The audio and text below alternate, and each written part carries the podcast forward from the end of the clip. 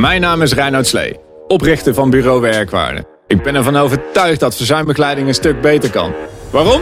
Nou, verzuimbegeleiders moeten beter leren de juiste vragen te stellen. Het gaat namelijk niet om de processen, maar het gaat om de mens. In deze podcast ga ik met experts in gesprek om voor eens en altijd helder te krijgen wat echt werkt.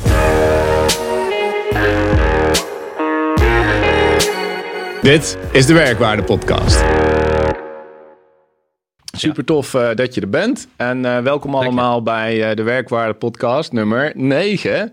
Deze keer een hele speciale gat, gast, Ed, Ed Spiering. Super dat je er bent. Jurist sociale zekerheid. En wij gaan vandaag in de 1% ziekmeldingsregeling proces duiken. Graven. Graven in ieder geval met z'n ja. tweeën. Nou, ruim de tijd voor. Maar misschien eerst leuk om heel even voor de luisteraars om jezelf voor te stellen. Ja, oké. Okay. ja, dank je voor de uitnodiging vooral. Uh, vond het heel leuk, vond de eer ook wel. Uh, Spiering ben ik, uh, vader van twee, twee leuke dochters, 9 en 10 jaar. ik ben niet van huis uit een jurist, maar politicoloog. ik heb politieke wetenschap gestudeerd. En uh, ben daarna op zoek gegaan naar banen in uh, de zin van uh, buitenlandse zaken.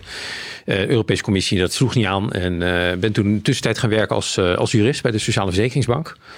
En toen dacht ik eigenlijk, ja, goed, zo, zo heel lastig is het allemaal niet. Het staat allemaal in wetgeving, kan het gewoon nazoeken. En ja, de voor de time being doe ik het wel. Alleen 30 jaar later, nu, ja, doe ik dat nog steeds. En ehm, met, met veel plezier. Het is een beetje een dienend vak. Uh, mensen zijn wel afhankelijk van je, maar als je, als je daar in je schouders uh, goed zet, en, en, dat maakt het werkveld van uh, sociale zekerheid ook makkelijk. Mm -hmm. dat, dat is ja, zo complex en, en, en, daardoor zit er ook een soort wisselwerking in. Dat als jij je kennis aan tafel brengt, mensen daar al lang mee, mee gezegend zijn. Dus ik heb wel een einde moment besloten om die titel er dan ook maar bij te fietsen. Ik heb eh, vier achter de boeken gezeten. Ja, en, uh, maar ik krijg wel minder vragen uh, sindsdien. Daar, daarvoor was het toch, toen ik nog uh, alleen uh, dokter Anders was, kreeg ik af en toe nog wel eens vragen van ja, do, doet u dit lang? Of heeft u veel ervaring? Mm. En met een titel, met twee titels, met meeste dokter Anders, dan, dan is dat allemaal een beetje weggevallen. Je bent er niet slimmer door geworden, maar ja, het, het, het heeft ook met vertrouwen te maken, denk ik.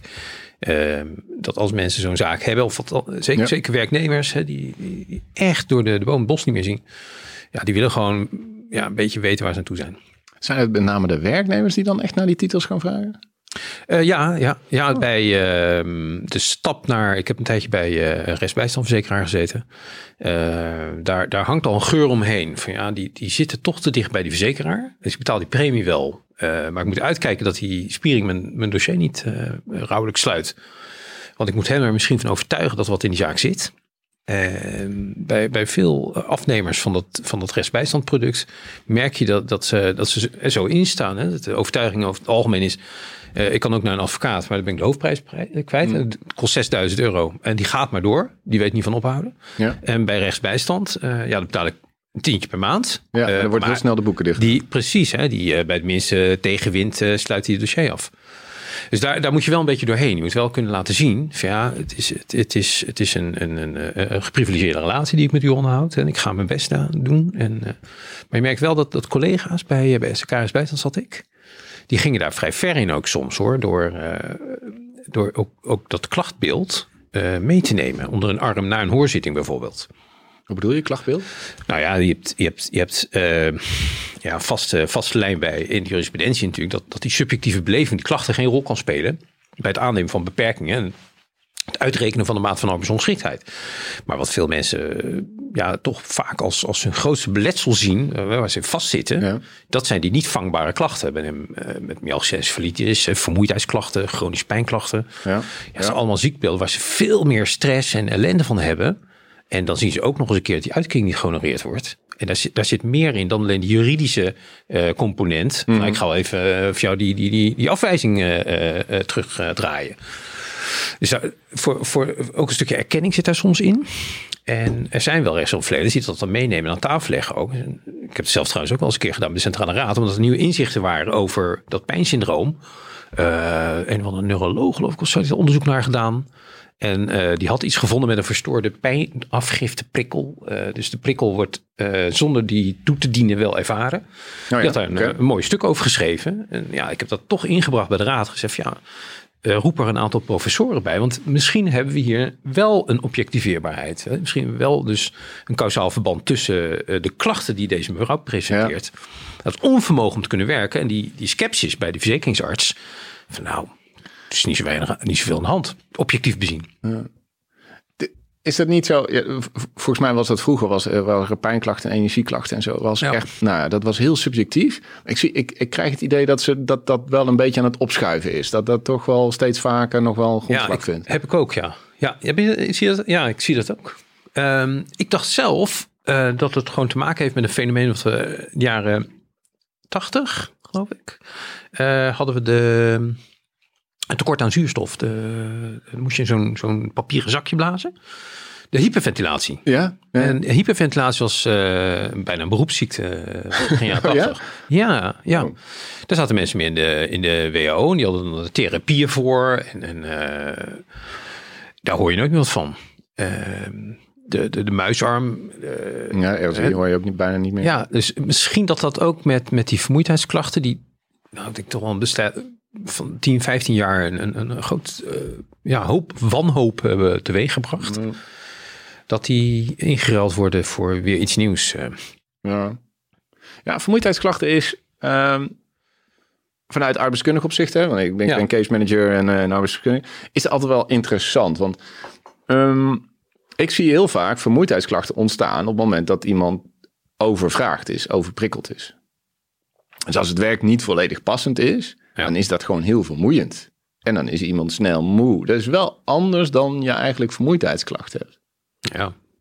Maar ja, dat is soms heel moeilijk uit elkaar te houden. Ja, dus zou door jou denk ik, want ik heb jou uh, daar eerder ook over voor zeggen over die oorzaak, die grote uh, lijnen in, in die uitval, uh, dat die psychogeen zijn. En dat, dat valt wel samen met het klassieke beeld van, van chronisch vermoeidheidssyndroom dat er een psychogene component in, in, in eh, meespeelt. En dan, dan kan ik me voorstellen, maar dan, dan is een beetje kip en ei verhaal. Van ja, ben je dan op je werk overvraagd? Ja. Of heb je, ja, zeg maar, niet die barrières, die zeg maar, dat bestand zijn tegen, tegen druk en stress die in die baan uh, nodig is om te kunnen zeggen van ja, dat glijdt allemaal een beetje van me af. En ben je daar dus zeg maar bevattelijk om ook, want je ziet het ook in de thuissituatie. Het gekke is dat zodra ze uh, dat werk uit zijn, dan nemen die klachten helemaal niet af. Die, zitten thuis, vaak na jaren nog steeds. Ja, hè, met die vermoeidheidsklachten. Met vermoeidheidsklachten, ja. ja. Ja, zodat soms de thuissituatie ook best wel veel kan vragen. Dat is waar. Ja, ja nou ja, goed. Uh, ja, met twee jonge kinderen, weet ik. ja, ik was nog niet zo lang geleden, was ik met een mevrouw mee naar, uh, naar het UWV. Ja, en die ervaarde echt heel erg veel energieverlies. Ja, daar lag ook wel echt een, een stevige diagnose onder. Ja. Maar ja, dat, dat was voor haar ja, hangen en wurgen om überhaupt zeg maar tot 24 uur werk per week te komen. Ja. Ja, dat heeft ze nog geluk, denk ik, dat ze daarin steun uit de behandelende sector heeft en dat er iemand met een diagnose komt. Maar ja. ik, ik ken wel gevallen waarin dat ontbrak. En, of dan kwamen ze met een, uh, een paragenezer en die had dan iets geroepen. En daar moest je dan mee de confrontatie eigenlijk aan. Van, ja, maar daar zit eigenlijk niks in, en die zaak. Want ja, in de jurisprudentie is die eis nou eenmaal, het moet objectiveerbaar zijn, terug te voeren op een ziekte of gebrek. Ja, dat is wel mee te doen hoor. Het is misschien wel een leuk bruggetje naar ook, uh, naar ook een thema voor de, voor de podcast.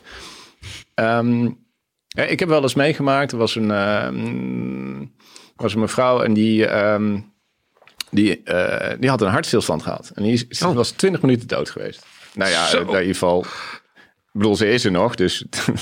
um, maar goed, de, als gevolg daarvan is reanimatie gegaan. En dan had ze... Uh, het is toen gereïntegreerd. En hmm. daarna is dat verzuimtraject afgesloten. En daarna zijn, eigenlijk, uh, zijn er functioneringsproblemen ontstaan. Mm.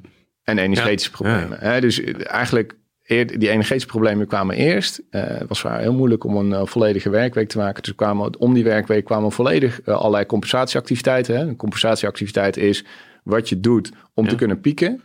En dat Oké. werk was eigenlijk, zeg maar, ehm, nou ja, alles eromheen stond in het teken van het werk. Dus eh, geen vrienden meer, geen het weekend was gewoon eh, Ja. gestrekt op het bed liggen. Ja. Vakanties Ja. was niet om iets leuks te doen, maar om uit te rusten. Ja. Dus dat werk stond heel erg centraal. Ja. Ehm, maar op een gegeven moment lukte dat ook niet meer. Dus werd de kwaliteit van het werk werd gewoon lager. Ja. En toen werd, ook, werd er op een gegeven moment een soort functioneringstraject gestart. Ja. Dat was mentaal best wel zwaar. En toen kwam er een ziekmelding. Oké. Oh, toen pas. Oh.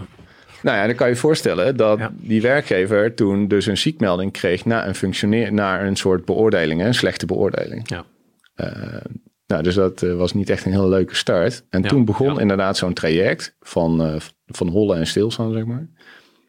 Waarbij In de reintegratie. in de reintegratie, ja, ja, want ze, ze wilde heel graag, dus ze ging ze pieken. Ja. Maar ja, dat kon ze niet volhouden. Dus dan stortte ze daar nog volledig weer in. En dan ging ze daar nog heel hard golven. Hup, hup, het ging echt zo. Eh, en nou, die werkgever had dat een paar keer aangezien. Ja. En toen ze dus weer volledig aan het werk was, toen zei die werkgever, ja, dat vind ik eigenlijk wel spannend. Om nou weer dat verzuimtraject af te sluiten. Inmiddels waren ze vijf jaar verder. Jeetje. Plus dan nog die voorfase waarin Ja. ze... Ja. Eh, dus die werkgever die wilde eigenlijk ook wel een soort, eh, nou, weet je, het, het, het einde zien. Ja. En toen eh, kwam zo'n 1% regeling kwam de hoek om kijken. Ja. Ja. Dus ze was eigenlijk volledig aan het werk. Ja. Alleen werd onder de mom van het toetsen van de duurzaamheid, Ja. werd ze 1% ziek gehouden. Ja. En nou heb ik dat einde van het dossier niet meer meegemaakt. Ja. Maar ik weet bijna wel redelijk zeker dat dat tot einde wachttijd heeft geleid. Ja. Wat, wat zou er vanuit jouw expertise gebeuren, Ja. zeg maar, bij het UWV op het moment dat je met zo'n 1% ziekmelding, zeg maar, bij het UWV aankomt? Ja, levensgevaarlijk. Ehm, kijk, die, die, die ziekmelding in stand houden gedurende twee jaar, dat lukt wel. Dat is gewoon eh, afstemmen met de arbodienst. En daar, eh, eh, zo'n werkgever zoals jij schetst, die kan heel open en eerlijk daarin zeggen dat volledig herstel niet is ingetreden. En dat hij daar ook niet achter staat. En eh, hij krijgt er dat bedrijfsarts gegarandeerd in mee, omdat hij dat ook wel ziet. Dat onvermogen, dat spanning tussen die, zo exclusieve focus op dat, alleen maar dat werk onder het ja, wegstrepen eigenlijk van andere activiteiten. Dus die, het einde van die wachttijd haal je wel. Alleen bij uit het uit openen van sociale zekerheid wordt daar heel kritisch naar gekeken. Als je ziet hoe de, die stand van zaken bij de Centrale Raad op, eh, van Beroep op dit moment is. is en er zijn een aantal zaken naar, naar Kummeling-Oskam. Oh ja. Ja, dat is toch een, een eh, marker geweest. Waarin heel Nederland beteuterd zat te kijken van... Oh, oh. Eh, Dat is misschien wel goed om dat heel even uit te leggen, want ik weet niet of iedereen dat de rest kent. En dat is Ja. wel echt een hele belangrijke. ja, dat is een hele belangrijke. De vraag is nu even of ik hem goed ken. Nou, het gaat in ieder geval over passende arbeid. Exact, ja. Bij mijn weten gaat Kummeling Oskam erom eh, de, eh, de vraag of iemand is hervat in passende arbeid. En de vervolgvraag of die passende arbeid dan de bedongen arbeid is geworden. Ja, het eigen werk. Het eigen werk. Ja. Daar zit wel wat licht tussen. Je tekent een contract en eh, als je gaat werken, dan is dat de bedongen arbeid. En daar kunnen natuurlijk bepaalde componenten nog in zitten die buiten het eigen werk vallen. Want uit het oogpunt van sociale zekerheid, de WIA, de ziektewet, de WIA die kent die wachttijd. En die wachttijd die zegt, als iemand in de zin van de ziektewet ziek is geweest en dat is ongeschikt voor het laatstelijk verrichte werk. En dat kan iets afwijken hè, van die bedongen arbeid. Als je eh, de dag voor uitval, of althans in de relevante periode voor uitval, eh, alleen nog wat administratieve werkzaamheden deed, dan is dat eigenlijk een beetje die arbeidsmaatstaf. Dus daar, daar kan wat, wat verschil in zitten. Maar wat je eh, eh, gewoon voor, voor de illustratie gewoon goed neer kan zetten, dat is die, die Kummeling Omskam zelf. Die werkte gewoon als eh, transporteur geloof ik of zo. En die zat dan op moment in het, eh, in het magazijn. Ja. En daarvan kon worden gezegd, ja, het is pas een arbeid. En omdat dat nooit was formeel vastgelegd. Hè, er zijn in de, in de, in de een jaar of drie zijn, zijn er allerlei uitspraken geweest van, van gerechtshoven. Eh, totdat de Hoge Raad daar een klap op gegeven heeft. Was er toch onduidelijkheid in. Van ja, wanneer wordt zoiets dan zonder contract Ja. de nieuw bedongen arbeid? Ehm, en dat heeft ermee te maken eh, dat aan contrario kun je zeggen, ja, als iemand nou in die eigen arbeid, wat hier het geval was met die vrouw, als die in haar eigen werk nou aan het opbouwen is tot 99% dan zit je nog niet in zo'n Kummeling-Oskam situatie. Dus dan hoef je die vraag niet te stellen van, nou is nou dat wat zij Nee. heeft opgebouwd een nieuwe vorm van arbeid geworden? En ik zie het UWV daar wel vaak naartoe duwen. Ik zie steeds vaker een praktische schatting. Ja, oh ja, ik ook. Ja. Opgebouwd naar, en ik zie eerlijk gezegd ook krankzinnige situaties. Dat, uh, ik heb een situatie van een uh, accountant die 40 uur papier werkte, maar ik durf mijn hand in het vuur te steken dat dat 60 uur was. Uh, in het Amsterdamse. Dus dan, dan weet je het wel, dat is, dat is gewoon een wilde wereld. Er wordt hard gewerkt. Uh, Burn-out ligt daar altijd op de loer. Uh, maar die werkte bij einde van de wachttijd in een omvang van drie uur per dag, durende maximaal drie dagen. En daar was ze op geschat. En daarmee, ik geloof ja. 70%, 70% arbeidsongeschikt. Ik vind, ja, dit, welke accountant gaat iemand voor drie uur per dag maximaal aannemen? Ik, en ik, ik kon het ook niet goed plaatsen, omdat via is juist een hele riante regeling opgenomen om te kunnen langere tijd tentatief een beetje uit te kunnen proberen zo. Uh, uh, die, die inkomsten die worden vanzelf gekort op je uitkering. Dat loopt allemaal prima. Dat was in de WO was dat maximaal drie jaar. Mm. In de WIA is dat vijf jaar. Dus waarom dan meteen bij, bij einde wachttijd daarop schatten zo'n zo'n 1% of zo'n zo'n drie uur per dag? Dat, uh, dus zal dat ook altijd blijven bestrijden. Maar als je, als je dan deze uh, vier thema's, hè, dus die Kubernetes kwam, dat hervattend eigen werk tot 99 procent. Ja, ja, ja. Dan zie ik de raad zeggen, ja, maar feitelijk heeft die vrouw gewoon haar eigen werk verricht. Met je 99 procent. Ja, dus gewoon volledig herstel. Volledig herstel. En als zij volledig is hersteld, dan komt daarmee een einde aan de reintegratietaak. En dan zegt de raad van ja, maar dan heeft zij gedurende vier weken minstens gewerkt aan eigen werk. Dan is er geen reintegratie meer, meer aan de orde. Als zij daarna uitvalt, en dat kan dan een dag voor einde wachttijd zijn, zoals de, de werkgever dat wil, de arbodienst dat wil, dan zegt uh, Sociaal Zekerheidsland, uh, nee, we beginnen gewoon weer opnieuw met 104 weken. Ja.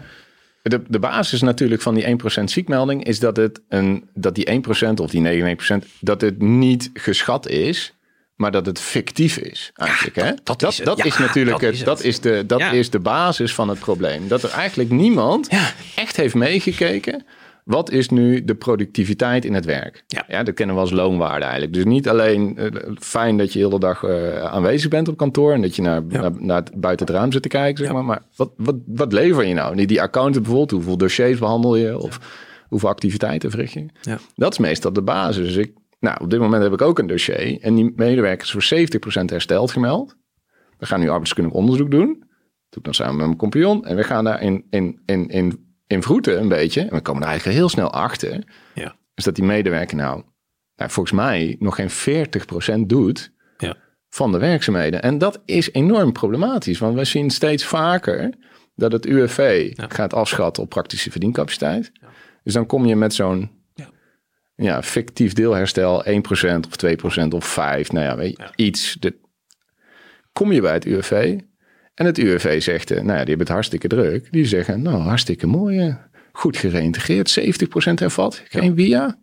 Nou, goed ja. bezig. Ja. Beste werkgever, succes min 35. Ja. En dan is dan nog maar de vraag of je dan uh, eigenlijk ontslag kan aanvragen. Of je reïntegratieactiviteit eigenlijk je, wel af is. Ja, ja. Voor die ontslagroute voorzie ik niet, niet zo heel veel problemen. Je kunt als, als werkgever zeggen, nou ja, goed, ik heb gewoon goed geluisterd naar mijn arbodienst. En ja, blijkbaar was dat uh, 99% uh, arbeidsgeschikt. Dus ik, ik uh, heb mijn 104 weken volgemaakt. Ik, uh, ik ga het maar eens aansturen op een vaststellingsovereenkomst. Die, uh, dat wordt vast wel getekend. Ehm, maar voor ehm, de, de, de, de premieheffing en dat soort dingen. Want daar ligt denk ik een beetje de sleutel. Want als die arbeidsongeschiktheid zich wel voortzet en die, die, die schatting die, die vindt plaats, dan heb je het wel over iemand die door die via-poort heen is. En dat, dat, dat is een, een, een, wat nieuwe... Als iemand nou voor 99% zeg maar hervat zou zijn. En, en het UWV schat hem dus als op 1% arbeidsongeschiktheid. He, dus we kijken niet veel verder, maar we doen er gewoon een praktische afschatting. Hij is 1% ziek. Het UWV zou niet verder kijken dan zijn neus lang is. En die nemen dat gewoon klakkeloos over. Dus min 35, 1% ziek. Wat is dan de kansen voor het UWV van de werkgever om over te gaan tot ontslag? Nou ja, dat, arbeidsrechtelijk is, houdt dat op de eerste via-dag. Het UWV zal nooit zeggen van nou met die 1% ziek gaan we weer mee. Ze gaan dat natuurlijk allemaal uh, opnieuw uh, bezien of die wachttijd is volgemaakt. Was er ongeschiktheid voor het uh, eigen werk? Ja, en de situatie jij beschreef, hè, van, van iemand waarvan de werkgever zegt, nou, ik vermoed dat er een, een, een productiviteit van 70% in zit. Ja, als je daar gewoon echt met een vergrootglas, als je dat goed onder loep neemt, en dat, dat blijkt dan in de praktijk 40% te zijn, dat zijn voor mij signalen dat als je 99% claimt uh, beter te zijn, dat als je maar goed genoeg zoekt, dat dat een stuk lager blijkt te zijn. Dus die, die, die wachttijd maak je wel vol. Het UWV zal waarschijnlijk ook wel zeggen, ongeschikt eigen werk op een onderdeel. Conflicthantering, uh, ja, staan tillen. Uh, theoretische schatting, en dan hangt het maar een beetje van je loonwaarde af. Daar kan zomaar 36% uitkomen. En dan heb je de curieuze situatie dat iemand die eigenlijk uh, geschikt zou kunnen zijn geacht voor dat eigen werk, afhankelijk van de visie van de werkgever en de inzet van de werknemer, dat hij door die via-poort gaat. Maar los daarvan, hè, of wat die uitkomst ook is, meer 35 plus 35, zo'n werkgever kan, heeft de vrijheid met die 1% om te zeggen, nou we akkeren gewoon af op een einde van de dienstbetrekking. Ja. We hebben een verplichting om het loon door te betalen. Um, die vervalt. Uh, er is geen loonsanctie opgelegd. Hè, want we hebben keurig uh, Sport 2 uh, gevolgd. Er is geen pepernoot uitgekomen. die herplaatsing die is niet van de grond gekomen. We hebben het geprobeerd in het eigen werk. En dat is wel heel erg opgebouwd. En dat is ook een duurzame herplaatsing. Want ze heeft het contract om een bepaalde tijd. Maar ja, na het vervallen van die loondoorbetalingsverplichting zijn wij vrij om met werknemer aan tafel te gaan zitten en te zeggen van ja. Hmm. Maar als ja, die werknemer dat dan weigert? Dus die weigert die VSO. En die is niet wettelijk verplicht natuurlijk om die VSO te tekenen. Nou, dan krijg je de route naar het UWV. Ja, ontslagroute. Ontslagroute. Je kan een kantonrechter zeggen van ja, nou, we hebben helemaal geen plek. Er zit daar een uitzendkracht. Ja, die is daar gekomen. Maar dat is toch niet aannemelijk op het moment dat de medewerker voor 99, 99% hersteld is? Hmm. Nou, dat is een beetje waar, ik, waar we het begin over hadden met die, met die kummeling oskam uh, situaties. Dat de Centrale Raad over het algemeen vrijstand zegt, ook bij die 1% ziekmeldingen. Van, joh, ik, ik prik daar doorheen. Ik kijk gewoon naar um, hè, globaal dat functioneren. En ik zie dat uh, de taken, hè, die 1% zeg maar, dat die niet is uh, achterwege gebleven door arbeidsongeschiktheid, maar door een keus van de werkgever om ja. het zo aan te bieden. Dan is het een organisatorische reden, zegt de Centrale Raad van Beroep. Voor, en, en, en is er feitelijk sprake van hervatting in het eigen werk. Dus daar, daar, daar legt de, de, de, raad gewoon een, een, een, soort loper uit, vind ik hoor, voor, voor, eh, voor werkgevers. Om, om ja, ook een beetje te doorzien dat, dat als ze in die situatie terechtkomen, dat, dat, dat het een beetje zo moet zijn. Zo'n werkgever moet zich moet realiseren van ja, ik heb er destijds aangenomen. Ja, die arbeidsproductiviteit, ja, die, is, die kan wat beter. Maar dat ligt eigenlijk een beetje op de weg van de manager om daarin uh, te stimuleren en te coachen. En te komen tot een uh, arbeidsprestatie die wel uh, wat, wat, wat hoger rendeert. Maar als het aankomt op dat, dat vraagstuk van, van nou, met die 1%, ziekmelding, dan hebben we markers in de toekomst waar we afscheid kunnen nemen of kunnen uitstromen naar de via. Dat is meestal de bedoeling hè, van die 1% ziekmelding. Exact, exact. En daarvan denk ik van nou, nee, daar kan je nog wel eens als werkgever van de kan, kan je eens thuiskomen. Ja. Dat is ook een beetje mijn idee. Ik zie het vaak, het, het grootste probleem zie ik eigenlijk ontstaan na de, na de via. Ja. Zo'n um, Uh, met name bij de min 35ers. Hè, dus de medewerkers die eigenlijk, nou, nou, de werkgevers en werknemers die eigenlijk niet heel goed die productiviteit hebben ingeschat, naar het UWV zijn gegaan. Ja. UWV zegt vervolgens praktische verdiencapaciteit. Dus die, die ziet dat dossier, die kijkt niet verder. En die ja. zegt gewoon, oké, nou, uh, het is 20 procent, want de medewerker was 80 procent hervat bijvoorbeeld. En die gaat dan door en dan gaan we eigenlijk, hè, want de medewerkers in hoge mate het werken vat. Is misschien wel volledige uren per week aanwezig. Ja. En de arbodienst die stopt meestal hè, naar, uh, bij einde wachttijd. De medewerker is eigenlijk nog niet volledig hervat. En op dat moment zie ik dat de grootste problemen ontstaan. Hè, want die, wat gebeurt er dan? Is dat het, ja, wordt het verzuim dan afgesloten? Wordt het dan open? Vaak wordt het dan opengelaten. En dan ontstaat er een hele, ja, wat, wat is er dan? Maar is, is het in jouw ervaring niet zo dat, dat zo'n zo'n werk vaak ook op instigatie van de, van de Arbo door, door een opstelling van actueel oordeel, uh, eindevaluatie, dat dat voor een werkgever signaal is om te zeggen van oké, okay, dan wacht ik gewoon nu leidelijk af waar het UWV met gaat komen. Ja, ja, er wordt veel gewacht op het UWV, maar het UWV gaat steeds meer ook wachten op de werkgever. Dus het is een beetje een soort stare-off aan het worden, wie als eerst gaat bewegen. Ja, ja. Ja, want het UWV wil het liefst afschatten praktische verdiencapaciteit. Want dan hoef je niet helemaal het CBBS in. Dus dat is, dat is, dat is ja, dat scheelt een hoop werk. En over het algemeen uh, is het afschatten praktische verdiencapaciteit. die, die beslissing die daarop volgt, die kan over het algemeen op veel begrip rekenen. Want het is makkelijk uit te leggen. Je bent voor 80% hervat, dus je bent 20% arbeidsongeschikt. Het is het op zich makkelijk uit te leggen. Ze pakken vaak ook uren. Zeg gewoon van nou, ja, werk gewoon nog uren. Ja, 20 uur, dat is dan 50%. Dat kan iedereen uitrekenen. Ja. Het is alleen zo dat dat in de praktijk vaak niet het geval is. En uh, dat, dat het meestal dan voor zo'n werkgever en werknemer... dat ze het gewoon zien als een soort hardloopwedstrijd. Dus we gaan met z'n allen hollen naar die via. Ja. Dan gaan we wachten op het UWV. Het UWV zegt dan min 35. En wat heb je dan? En dan, zie, dan daalt die zelfreflectie in bij die medewerker van... ik heb geen leven meer buiten werk. Ja. Ja, en dan daalt... Met, ja, met ja. hele Hangen en wurgen probeer je dat hoog te houden.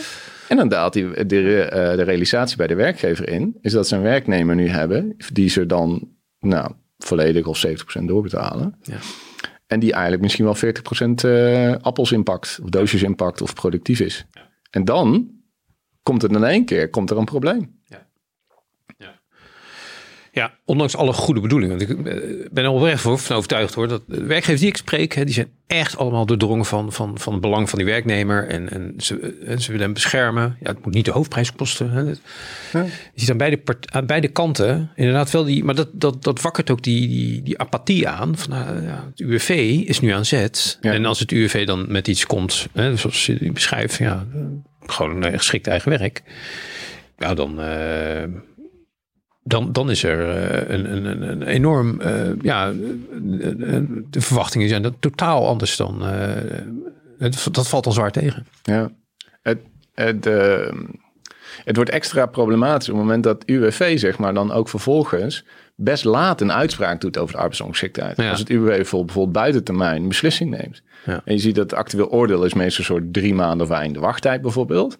En als het moment dat het UWV dan vervolgens nog twee of drie maanden te laat is, dan wil zeggen dat er tussen het actueel oordeel en daarna stoppen, stoppen meeste arbeidsdiensten, niet allemaal, maar de meeste stoppen daarna. Ja. En dan tot de WIA-uitspraak, waar we allemaal zitten op wachten, kan misschien wel zes maanden tussen zitten. Ja. In die tijd ja. Zou het wel eens kunnen ontstaan, is dat een werknemer volledig uren werkt en een indruk heeft dat hij volledig gereïntegreerd is. Ja.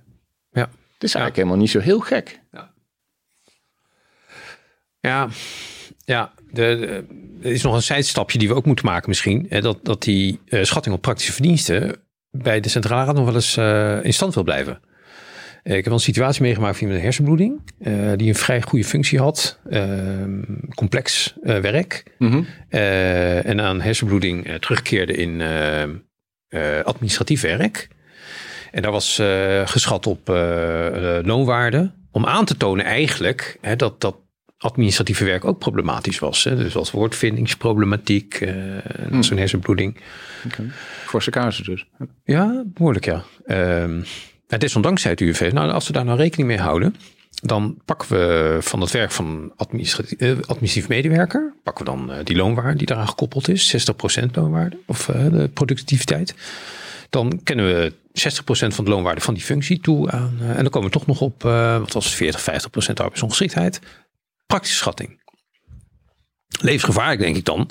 Na uh, zo'n terugval van, van zo'n zo'n zo complexe functie door een hersenbloeding en de gevolgen daarvan. Hmm. Ja, dat valt gewoon heel moeilijk nog in verdiencapaciteit zeg maar, op te vangen. Dat, dat, dat, dat werk wat hij in ieder geval deed als administrateur, dat, dat hield hij duidelijk niet vol. En ik heb ter zitting bij de Centrale Raad ook uitgelegd. Ja, eh, ik kan dat ook in een parttime variant aanbieden. Maar dan zie je nog steeds met dat productieverlies. Hij kan het gewoon niet aan. Uh, maar dat is dan toch op lange duur toch helemaal niet passend? Ja, zegt de Centrale Raad. Ja.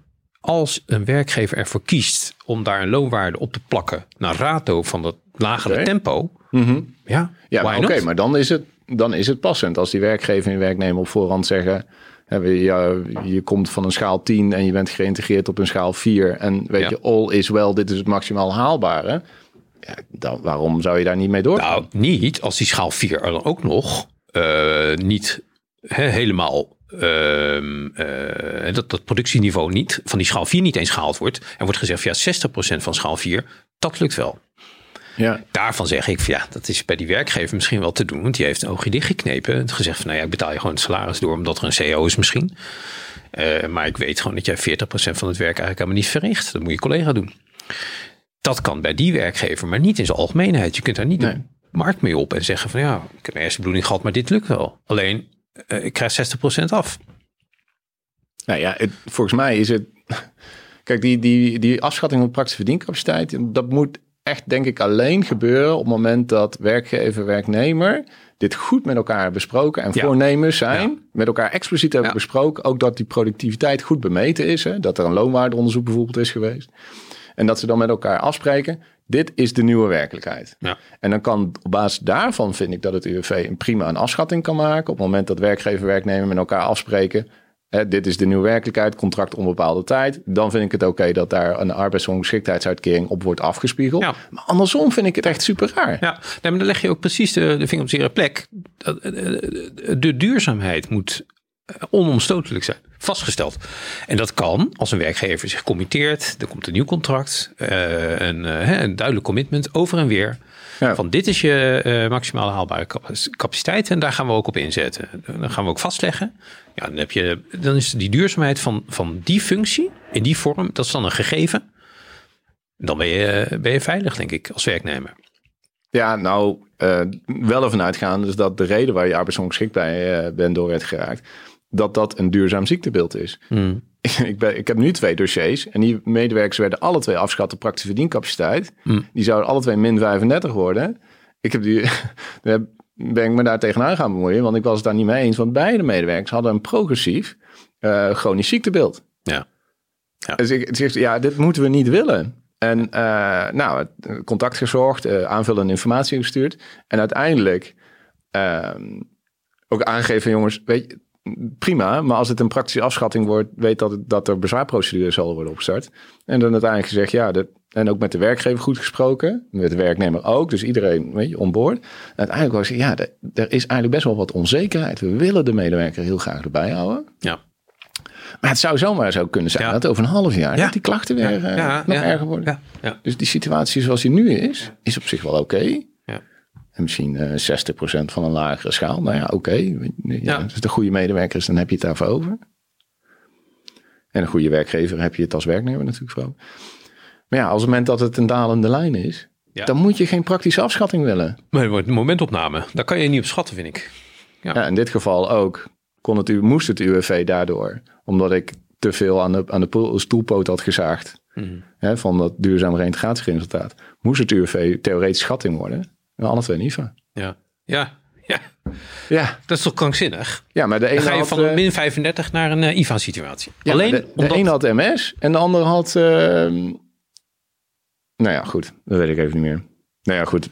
Ook een, een chronisch ziektebeeld. Ik ben niet echt uh, in, de, in, die medische termen. Maar er zit, er zit natuurlijk ook een spanningsveld hè, tussen die verwachting van nou, met dit ziekbeeld uh, je enige redding is eigenlijk dat er nog een werkgever is die je een uh, dak uh, aanbiedt. En dan, uh, dan moeten beide partijen daarin zich senang voelen.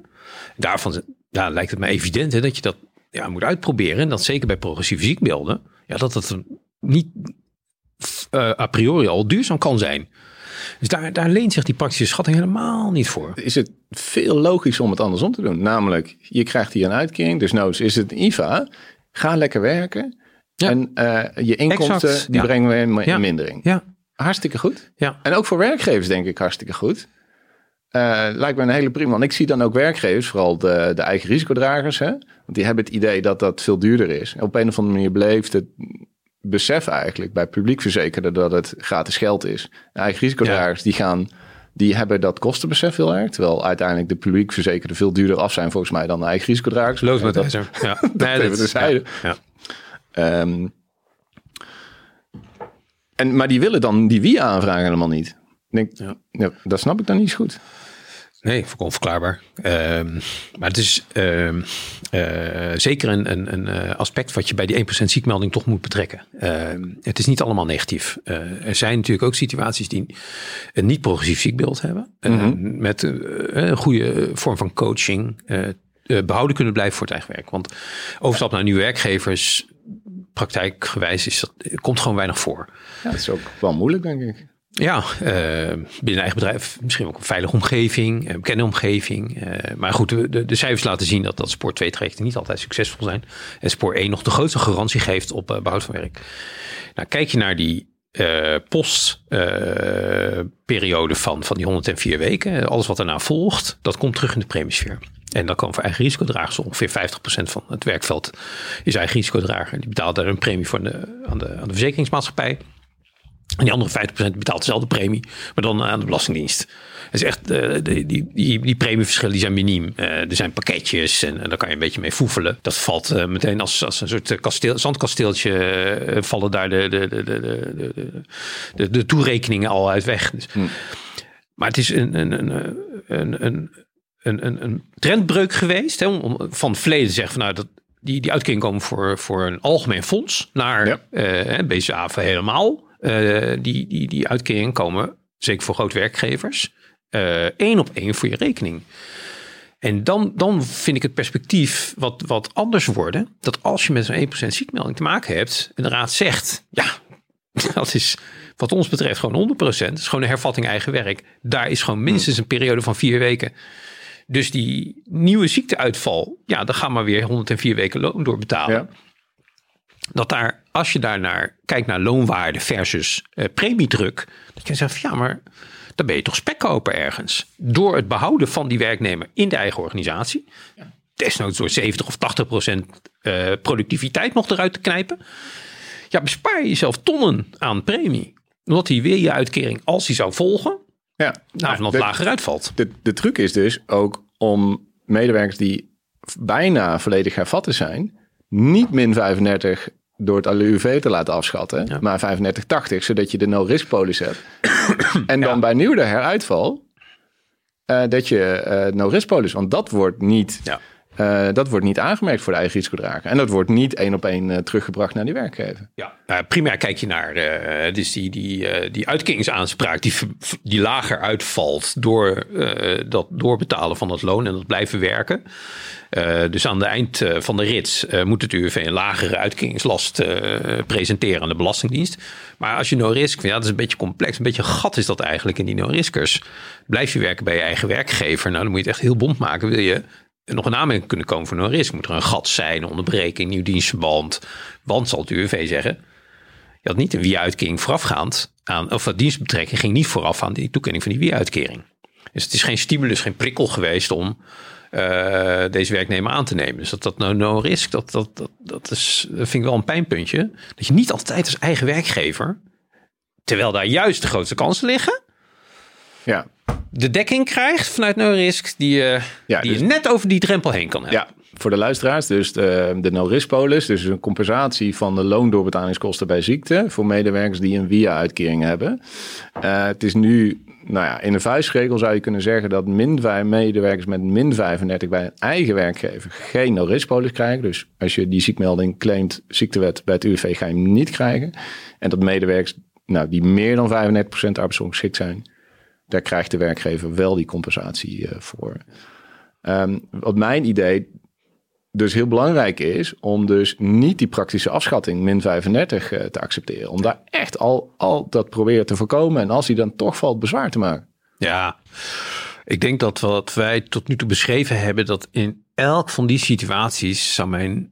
Ja, het, is, het klinkt uh, een beetje raar het mond van een jurist, maar ik zou er altijd een jurist bij zetten. Dat bezwaar is een enige redmiddel eigenlijk om ja, een beetje door die uh, brei heen te prikken. Te beoordelen wat de uh, kosten en de baten zijn van de voortzet van dienstverband. Uh, met zonder uitkering. Min 35 plus 35. Mm. Daar zitten, er zitten een aantal varianten in. Jurist kan doorrekenen en die kan in een bezwaarprocedure proberen om die plooi nog een beetje glad te strijken.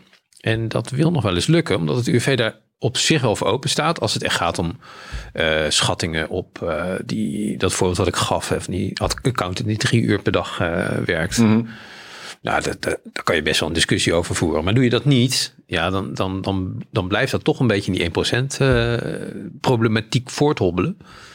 Zonder goed zicht op wanneer zijn we hieruit? Wanneer zijn we in veilige haven? En die, die overgang van uh, loondoorbetaling gedurende 104 weken met de reintegratietaak en terug naar het eigen werk en bijna volledig hervat naar Veilige Haven. Daar, daar kan een jurist denk ik goede diensten bewijzen. Ja. En want uh, grofweg heb je bij einde wachttijd heb je wat verschillende routes zou je kunnen zeggen. De exitroute hè, de, de reintegratie, het reintegratieresultaat is, niet, is onvoldoende om het dienstverband in de toekomst door te zetten. Dus einde dienstverband.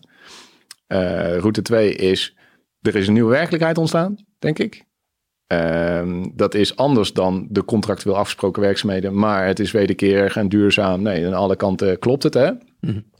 Dan denk ik nieuw dienstverband, aangevuld door arbeidsongeschiktheid, aangevuld door wie, hartstikke goed. Ja. En dan is er nog die derde route. En dat is op het moment dat je denkt dat het huidige reïntegratieresultaat onvoldoende is, maar dat je eigenlijk op korte termijn nog verbetering verwacht.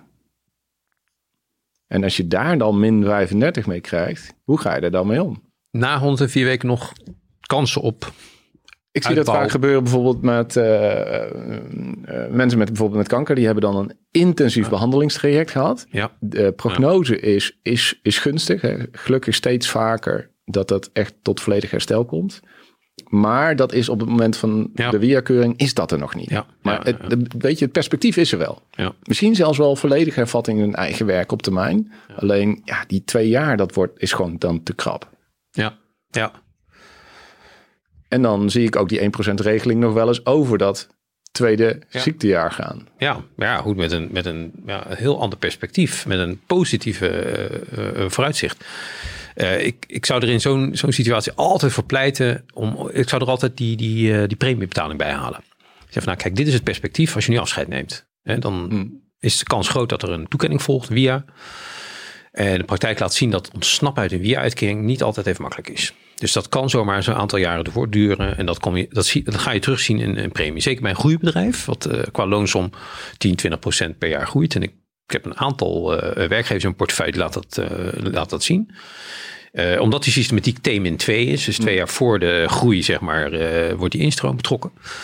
Uh, daar kan dat exploderen en dan kan dat tot tonnen aan premieschade leiden. Ehm, het enige vervelende is dat werkgevers er zelden voor openstaan. Het is een complex verhaal, hoe die, hoe die samenhang is. En het is ook een ver weg uh, van bedshow. Uh, veel werkgevers die ik ken, die, die zeggen van ja, dat, dat, dat loopt via financiële administratie. Dat, ja. Of daar hebben we een verzekeraar voor. Weet vaak niet eens, uh, zijn jullie eigen risicodrager? Nou, geen idee, zou je moeten vragen bij... Uh, en het, maakt, het maakt natuurlijk ook niet uit aan wie je die premie betaalt. Je bent er van af vaak, hè, is voor, voor op het management laag niveau, de HR. Ja, en, en dat, dat maakt dat verhaal van, nou ja, je moet je wel bewust zijn hè, van de kostprijs die je weggooit. Zeker als je een ziekbeeld hebt wat na einde wachttijd niet is hersteld, wat niet op het niveau is, maar wel de hmm. verwachting is, ja. dat daar nog groeikansen zijn. Ja, dat maakt wel. Hè, dat, Hoe zou je dan de, de werkgever adviseren? Nou ja, ik zou zeker toch dat hele verhaal nog eens een keer uit de doeken doen. Hè? Nou, bij, er zitten collega's bij u, die zien die tonnen echt wel weglekken. En ik kan er een uh, grafiekje bij doen. Ik kan er een uh, beprijzing op zetten van dit gaat het je kosten. Maar aan het eind van de dag komt het echt aan dat die manager op de werkvloer, dat is vaak de, de doorslaggevende uh, pion. Die bepaalt over het lot van, van eigenlijk zijn eigen organisatie en van die werknemer. Kan die aanblijven? Dan, heeft, dan, dan is dat, in mijn beleving, is dat, hangt dat puur samen met zijn, zijn visie op, op dat team. Mm. Uh, ja, dat, dat is een, een, een sterk subjectieve keuze, heb, mijn, heb ik het idee. Laten we een concreet voorbeeld pakken. Medewerker is eh, voor 70% hervat. Nou, ook 70% loonwaarde. En dat gaat goed. En de prognose is, volgt de bedrijfsarts, uh, binnen 6 tot 8 maanden volledig herstel.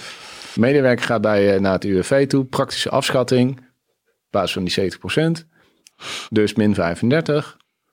En dan? Ja, als het op de werknemer aankomt, dan zal die ja, hopelijk ingefluisterd ook door adviseurs zeggen van ja, herstel zit, hè, je, zit, je zit in de lift. Mhm, dus ja. er, zijn, er zijn wel kansen. Er zal oncoloog misschien ook een rol bij kunnen spelen. Ritme en structuur en dat soort dingen zijn ook eh, hè, bij zo'n herstelproces gewoon best belangrijk. Ja. Maar dan komt het echt aan op die werkgever. En als je aan tafel zit bij die werkgever, merk je gewoon dat die, die, die onbekendheid met van ja, maar wat, wat komt er dan op mij af? Na einde wachttijd moet ik er vanaf. En dat is een soort ingesleten uh, uh, visie of, of conceptie. Bij 104 weken, dan moeten we eigenlijk kijken of we niet met een VSO eruit kunnen. Dan is, dan, is het, dan is het klaar. Nou ja, dat is wel de perceptie heel vaak. Dat het dan klaar moet zijn. Ja. Dat, maar ja, dat is nog maar de vraag. Want je zou kunnen zeggen, nou einde dienstverband. Maar als de medewerker 70% geïntegreerd is en perspectief op volledig herstel. En het is een goede. Waarom zou je dat in godsnaam doen? Um, de andere is natuurlijk, ja, weet je, waarom zou je akkoord gaan met min 35? Laten we maar eens een theoretische schatting doen. Ja, Precies. Ja. Dat is natuurlijk ook interessant. Want als, je, als de medewerker dan opnieuw uitvalt, ja. dan heb je tenminste no risk. Nou, ik ken wel werkgevers die in een dergelijke situatie zaten. En die twijfelden over, ja, maar moet zij dat dan niet doen? En waarom gaan wij hier zo zitten? En dan heb je maar twee argumenten die je aan tafel kunt eh, brengen. Dat is het, die, dat premieargument. Nou, doe je het niet, dan gaat je echt heel veel geld kosten. En voor je eigen organisatie. Ik, je beluistert soms wel hoor, dat ja, we waarderen wel. Uh, ook met goede reden natuurlijk in het verleden wel aangenomen. Is aan het terugkeren. En dat herstel, dat, dat is vaak ook zichtbaar geweest voor die manager. Mm met het toekomstperspectief van, uh, van nog een verdere uitbouw.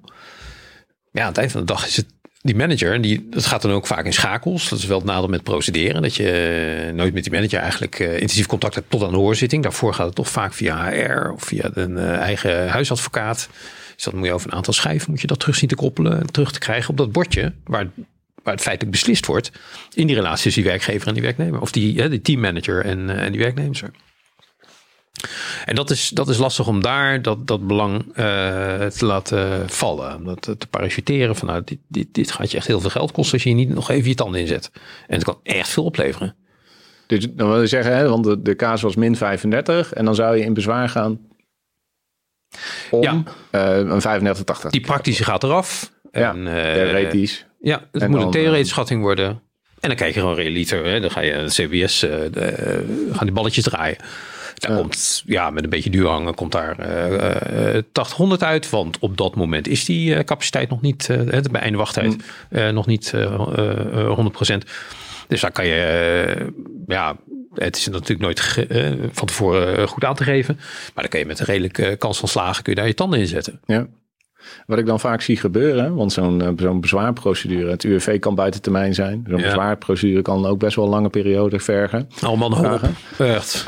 Ja. Um, en dat iedereen in de tussentijd eigenlijk in de wachtstand staat. En nou ja, um, dat is denk ik uh, levensgevaarlijk. Want dan, nou, Oscar Kumbeling uh, reis komt dan weer aan kijken. Want dan is er dus een medewerker en die wordt niet meer geïntegreerd. Want na actueel oordeel stoppen de meeste arbeidsdiensten. Die is nog niet volledig aanwezig. Maar die zit ondertussen maanden, misschien wel voor volledige uren te werken. Ja. En daar, daar kijkt niemand meer naar. Ja. En dan komt er een nieuwe ziekmelding. Het kan misschien totaal iets anders zijn. Hè? Mm. Uh, dus hoeft helemaal niet bij bestaande ziektebeeld. En dan ontstaat er een, een ingewikkelde situatie. Ja, Want dan is die bezwaarprocedure misschien nog helemaal niet afgerond. En is er dan een nieuwe ziekmelding? Of is, is die oude ziekmelding, loopt die dan nog steeds? Die staat natuurlijk in de boeken wel, maar daar heeft nooit iemand die echt iets mee gedaan. Ja, ja het nadeel met, met dat bestuursrecht is de niet schorsende werking van bezwaar. Dus je, je kan bezwaar maken en, het UWV Rotterdam heeft uh, de, de, de, langste doorlooptijden van, uh, van Nederland. Dat, dat is opgelopen naar, eh, naar zes maanden. En al die tijd staat die min 35, die ligt gewoon juridisch op tafel. Ja. Totdat dat ingehaald wordt, een andersluitend besluit in die, uh, in die bezwaarkolom. Um, je kan nog wel praktisch uh, pappen nat houden door te wijzen op van kijk, ik heb nu in het kader van die bezwaarprocedure uh, inzage gekregen in die medische rapportages. Ik weet waar het UWV staat, medisch gezien. Ik heb een, um, ik sta op een lijst uh, van uh, professioneel rechtshulpverleners. En dat maakt het mij mogelijk om namens werkgever, mag dat niet over communiceren met de werkgever. Nee. Maar ik krijg wel inzage in die medische gegevens. Dat geeft je een klein voordeel dat je kunt zeggen, een inschatting kunt maken welke kant het uitgaat. Um, en zeker als je bijvoorbeeld een rapportage ziet, aansluit op het voorbeeld wat je schetst van een tamelijk deplorabele uh, situatie per einde wachttijd, maar zeer goede vooruitzichten. Uh, misschien ook hè, met een medisch specialistische brief een oncoloog of zo. Hm, ja, zo kunnen. Dat je, dat je kan zeggen van nou, dit, gaat dit gaat met een redelijke kans van slagen wel onderuit. Dus werkgever, ik adviseer je hè, om, om, vooral te kijken naar die, die, die prognose van het UWV, die ook overgenomen is. Hè. De bedrijfsarts staat niet anders in. Dat dat ja, met een half jaar, misschien een jaar, heel anders uit kan zien. En om daarop te acteren. En dan, dan ja, is het een arbeidsrechtelijke kwestie geworden van nou, hoe gaat die werkgever om met die, met die OSCAM-situatie? Uh, uh, is het dan nog passende arbeid of is het eigen werk waarin ja. is opgebouwd en waarin die 100% is bereikt of hè, streven naar? Ja, daar blijf je wel over adviseren al die tijd. maar ik blijf erbij hè, dat, dat wat die initiële keuze is geweest bij dat, bij dat echt het omslagpunt van die einde 104 weken. Ja. Daar, daar moeten principiële keuzes gemaakt worden en vrij, vrij snel ook.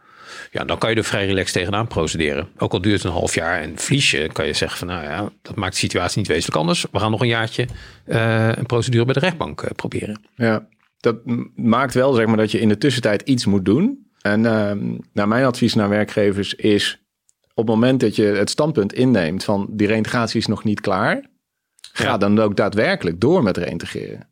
Ja. dus blijven die plan van aanpakken maken. Blijf naar de bedrijfsarts gaan. Doe, Maak het geen dode letter, maar ga er daadwerkelijk ook uitvoering aan geven. Ja. Uh, je kan dat bij wijze van spreken nog een bevestigende brief sturen naar de medewerker dat dat ook de bedoeling is om te komen tot een volledige werkervatting van de contractueel afgesproken werkzaamheden. Ja.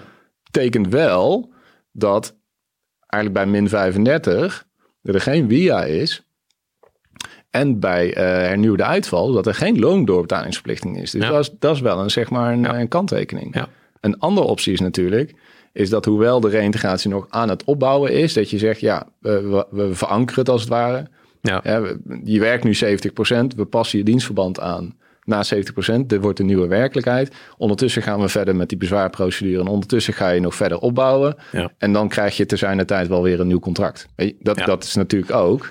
En dan heb je natuurlijk alle ruimte om. Uh...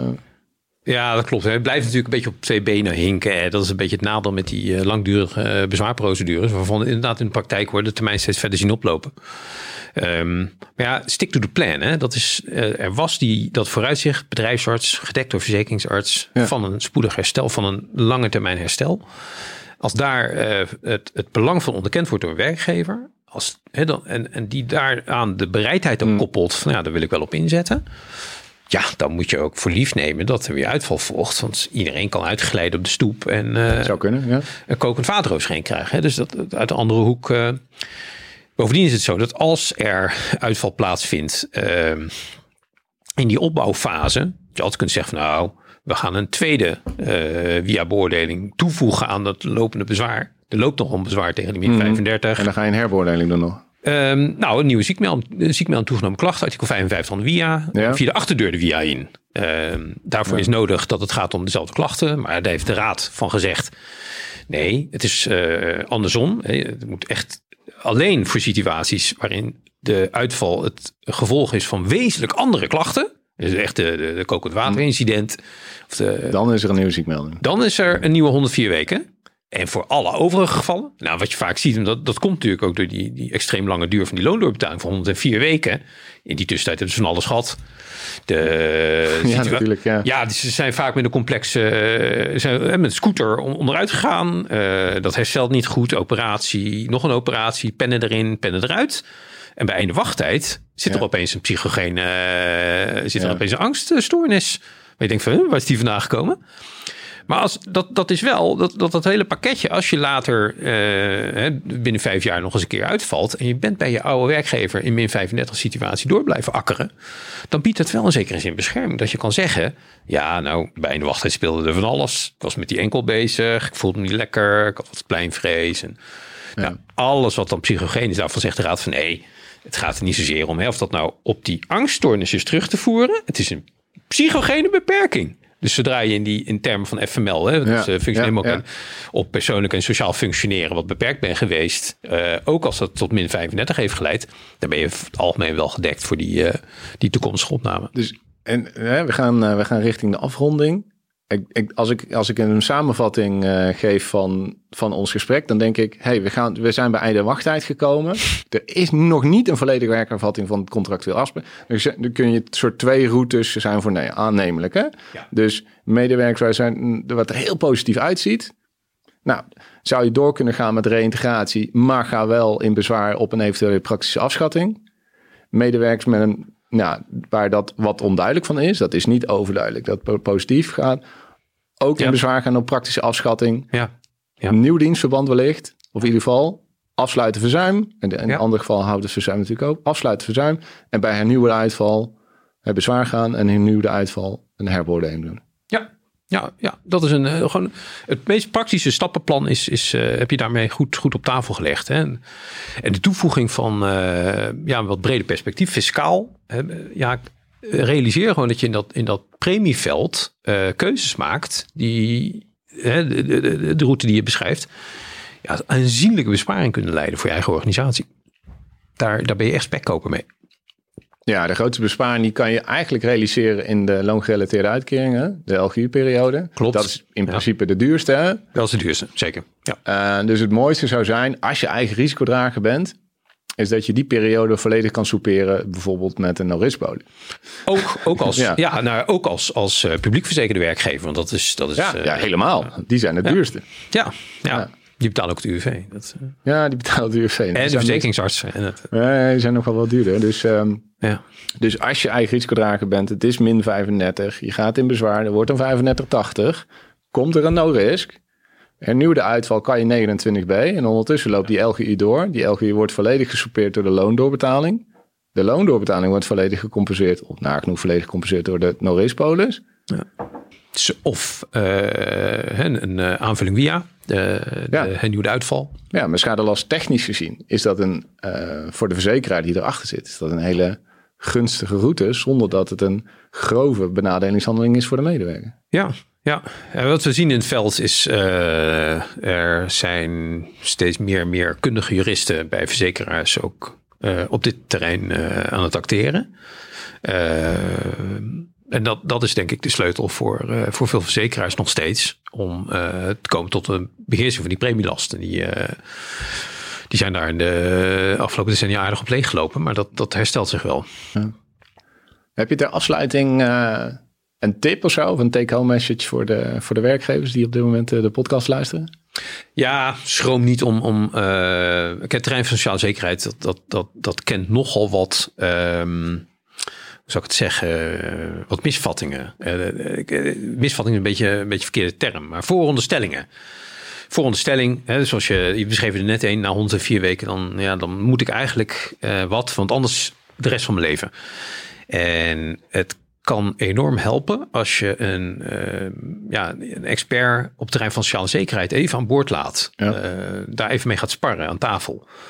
Uh, en ik zie het op mijn genoegen. Ik heb laatst een, een soort intervisie gedaan met, met een paar case managers. die wilden wat toelichting over juridische procedures, zwaar beroep, dat soort dingen. En toen voelde het kennisniveau op uh, dat, is, dat, is, dat is uitstekend. Weet je, die mensen, je ziet die markt volwassen worden. Uh, dat de expertise gewoon toeneemt. Ja. Uh, steeds beter. Steeds beter wordt. En ook beter wordt in dat, in dat schakelmoment tussen arbeidsrecht en sociaal zekerheidsrecht. Het, tot nu toe was eigenlijk dat sociaal zekerheidsrecht voorbehouden. Voor wat ja, onbeleefd, de geitwolle sokken, omdat het alleen die werknemers was. Nou, nu die werkgevers het grootste belang hebben bij het beheersen van die, van die premie. En, en, en daarmee ook die rechtmatigheid van die, van die uitkeringen een beetje willen meekrijgen kijken, dan zie je dat er, dat er nieuwe disciplines ontstaan, case managers, hm. Eh, naast traditionele juristen. En die kunnen echt wel op dat schakelmoment gewoon even aan tafel beetje, beetje bij dat, dat, plaatje wat groter maken. En op welk moment moeten ze dat doen? Dat zou de einde wachttijd moeten zijn. Einde wachttijd. Ook omdat dat een moment is vaak hè, waarop die uh, beslissing met UWV of in de lucht hangt of er al is. Ook als er een loonsanctie in de lucht hangt, hè, dat soort. Uh, ja. Aanvullend daarop zou ik eigenlijk werkgevers willen uitdagen om niet meer te wachten op het UWV, hmm. maar om het UWV zeg maar op jou te laten wachten. Dat zou mijn advies zijn voor, uh, voor de luisteraar. Dus zorg dat je samen met je werknemer een visie hebt over hoe, wat je gaat doen met het dienstverband na einde wachttijd. Op het moment dat je dat namelijk helder voor ogen hebt, dan zal je zien dat het UWV daarop gaat anticiperen, omdat ze vaak ook praktisch willen afschatten. Ja. Dus op het moment dat je met je werknemer al hebt afgesproken, dit, weet je, dit is de nieuwe werkelijkheid. Misschien ga je in de toekomst nog meer uren werken, maar voor nu houden we het heel even op 24, want we weten dat dat goed gaat. En dan spreek je met je werknemer af, dit, dit gaat het worden, dit gaan we doen aan einde wachttijd. Misschien zelfs al formeel op papier, maar dat hoeft misschien nog niet. Dan zal je zien dat het UWV dat meeneemt in de beoordeling. Mm, ja, dat is een mooie. Ja. Ga niet wachten op het UWV, want dat wordt in toenemende mate alleen maar problematischer, denk ik. Nee, hartstikke goed. Vanuit uh, Bureau Werkwaarde kunnen wij werkgevers helpen met uh, verzuimanalyses. Dus op het moment dat je moeilijke casuïstiek hebt, dan helpen we je graag verder. Case managers en arbeidsdeskundigen natuurlijk. En dan uh, lijkt me hartstikke leuk om dat samen met jou op te pakken. Ja, mij ook. Ja. Super, dankjewel ja. voor jouw komst. Uh, ja, dankjewel voor je uitnodiging. Bedankt voor het luisteren naar de podcast. Wil je meer weten over een effectieve verzuimaanpak? Download dan mijn e-book over de 7 oorzaken van te hoog verzuim op werkwaarde.nl.